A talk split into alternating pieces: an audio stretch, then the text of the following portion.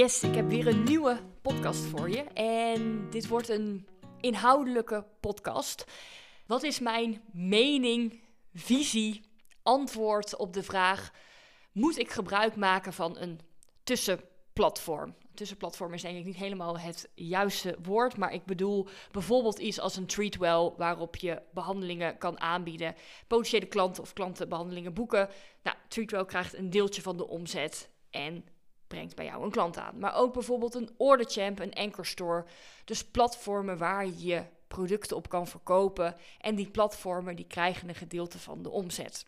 En ik sprak met een uh, klant en ze zei: Ja, ik vind hier eigenlijk allemaal wat van. En uh, krijgt dan een deel van mijn omzet. Maar ik hoor die, behoor die omzet te krijgen, want ik doe toch het werk.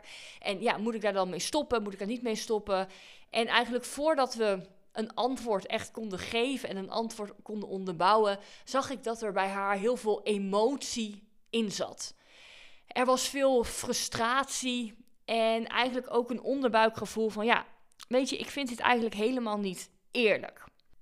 En ergens snap ik dat, want iemand anders krijgt een deel van je omzet en jij vindt dat je daar recht op hebt. Maar wat is nou eigenlijk echt het punt? Intuïtief voelde dit voor haar niet goed. Maar gevoel is een emotie. En emoties komen en gaan. Misschien herken je het wel, de ene dag ben je blij, de andere dag ben je boos. En er is eigenlijk helemaal niks veranderd in de omstandigheden. Je hebt gewoon een gevoel ergens over, een emotie.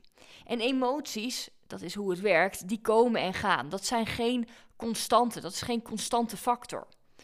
En een business bouwen op basis van emotie, op basis van gevoel, dan heb je een bedrijf wat je stuurt op iets wat niet stabiel is, maar wat komt en gaat.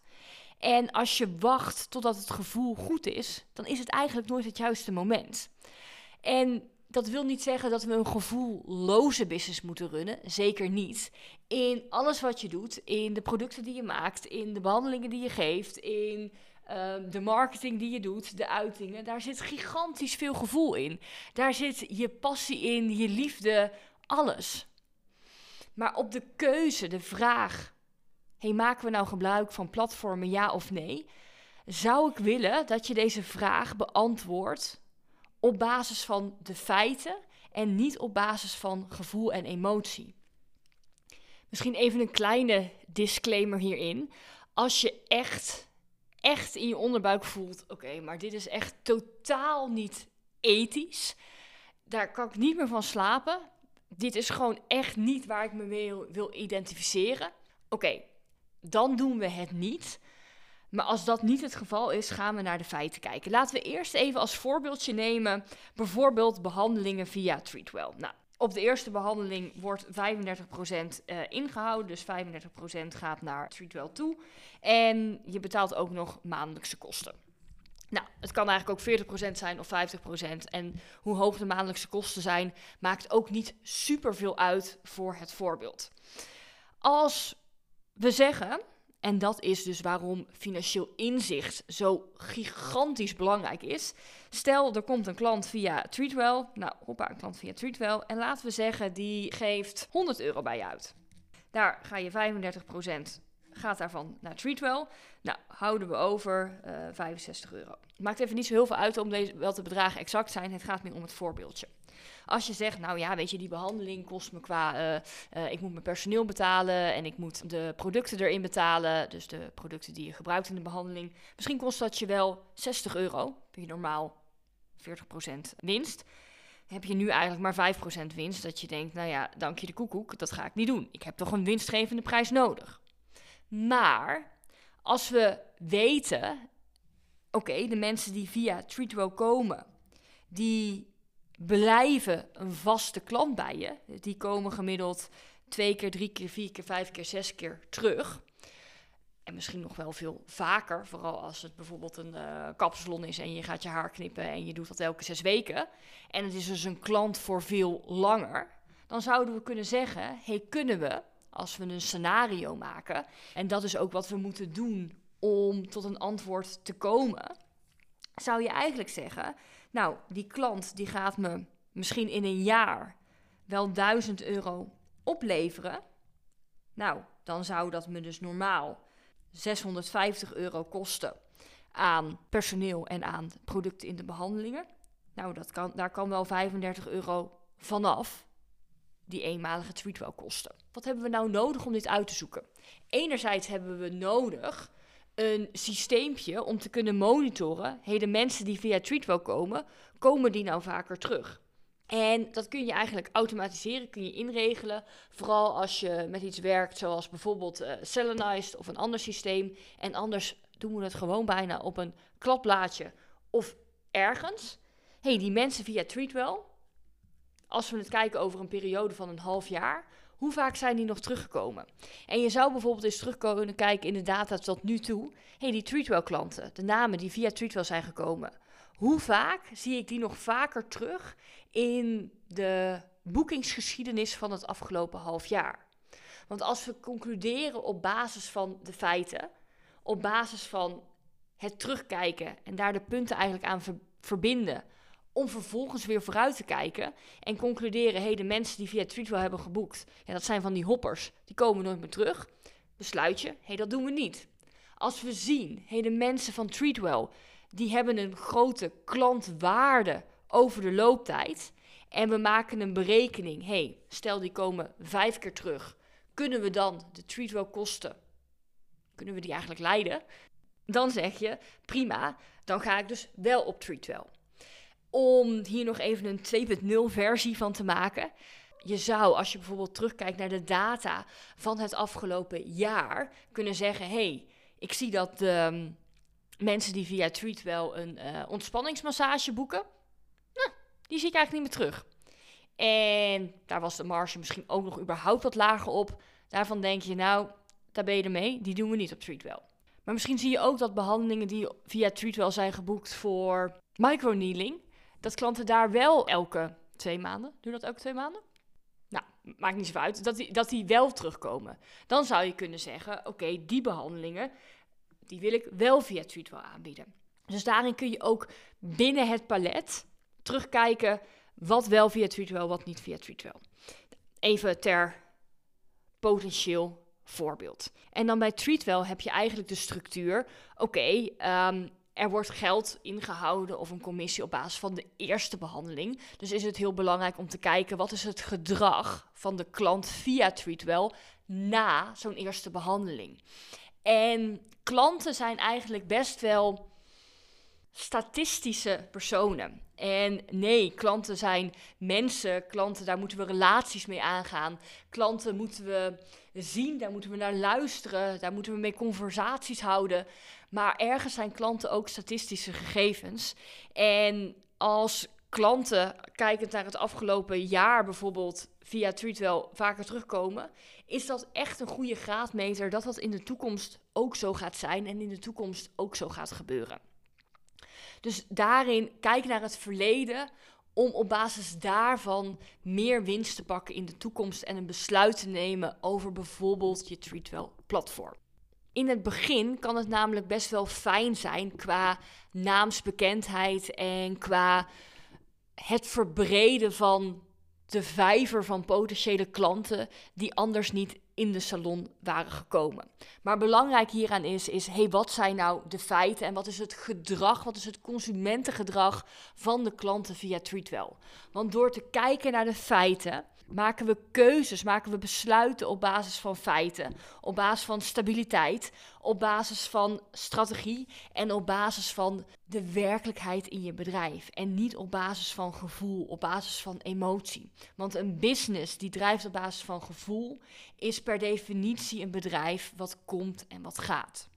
Een ander voorbeeld hierin, als je bijvoorbeeld je producten verkoopt via een platform. Denk aan een Orderchamp, aan een uh, Anchor Store. Maar ergens is bol.com bijvoorbeeld ook een platform die altijd platformkosten eraf haalt. Maar ook bijvoorbeeld Amazon. En daarin is het dus niet alleen bij de eerste transactie, de eerste order, maar eigenlijk op alle orders. Dus waar Laten we even weer een voorbeeldje nemen. Stel een product is 100 euro en verkoop je het bijvoorbeeld via een platform. Stel die neemt 14%.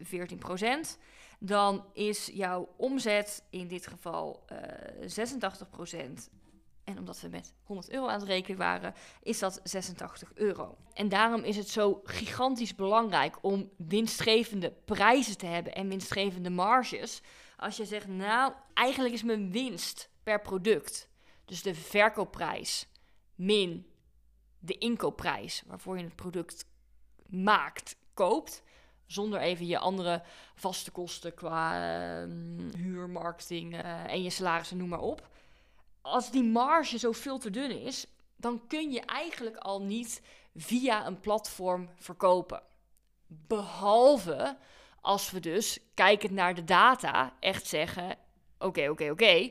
Maar vervolgens, na één keer via een uh, platform te hebben gekocht, doen ze alleen nog maar herhaal aankopen bij mij. Dus de eerste via een platform is eigenlijk een soort van marketingmiddel, want daarna doen ze alles direct via mij mijn ervaring is, we moeten naar jouw bedrijf kijken, de feiten naar jouw bedrijf, maar mijn ervaring is dat het niet vaak voorkomt dat er een eerste bestelling is via, uh, via Anchor Store en daarna alles direct via de store. Zou kunnen, is vaak niet zo. Dus in dat geval zou het kunnen om via een platform te verkopen. Maar de vraag waar we dan volmondig ja op moeten kunnen beantwoorden, is dat de winstmarge per product zo goed is dat je de platformkosten kan handelen.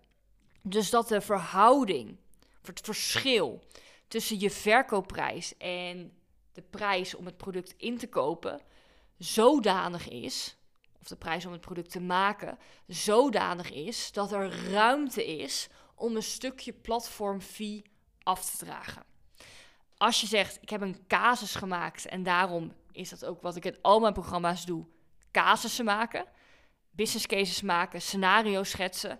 Als je zegt, oké, als mijn producten via een platform worden verkocht, ja, dan is de winst die ik overhoud, of het verschil wat ik overhoud van de verkoopprijs, min wat mijn product kost, min alle marketingkosten, min mijn vaste kosten, min mijn salaris, dat gaat gewoon niet, is het besluit ofwel je prijs moet omhoog, want dan is er meer ruimte om naar een platform te gaan, ofwel de inkoopprijs, de kostprijs waarvoor je het product maakt, inkoopt, moet naar beneden. Of je moet minder vaste kosten maken en anders kan het niet. Want, en ik denk dat ik dit bijna in elke podcast zeg, als het op papier niet gaat werken, gaat het in het echt ook niet werken. Dus laten we hem even samenvatten. Wat is mijn visie, mening over platformen? Kijk naar de data. Haal de emotie ervan af, maar kijk naar de data. A.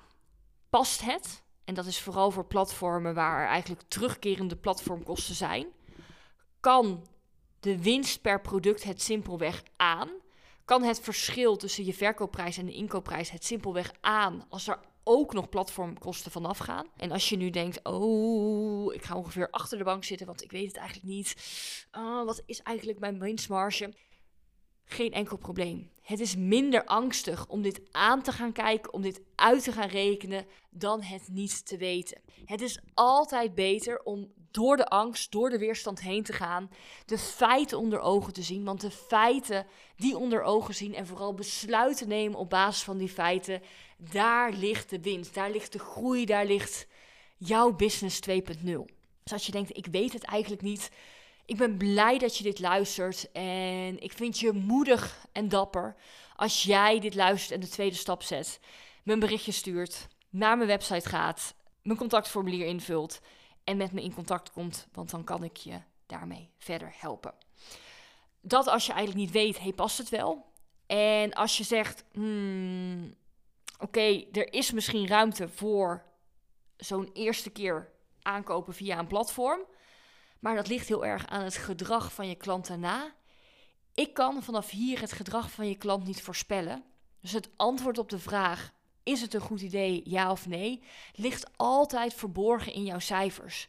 Spak je cijfers erbij en ga eens terugkijken. Hey, de mensen die via bijvoorbeeld een Treatwell zijn gekomen, hoe vaak zijn die nog teruggekomen? Wat is eigenlijk het klantgedrag van die klanten? Want klantgedrag halen we altijd uit de data. Ik hoop dat je hiermee verder kunt. Ik ben benieuwd wat je eraan hebt. Eh, laat het me eventjes weten. Vind ik heel leuk om te horen. En onder deze podcast ook een QA of een eh, QA-sticker. Leuk als je me een vraag wil sturen, of een topic, een onderwerp, een thema, een inspiratienoot, zodat ik die kan behandelen in een van de volgende podcasts. Vind je mijn podcast nou waardevol? Dan zou ik je willen vragen om heel even naar boven te scrollen en de podcast sterren te geven. Daar help je me enorm mee. En ik wens je een fantastische dag, avond, nacht toe. En we spreken elkaar in de volgende.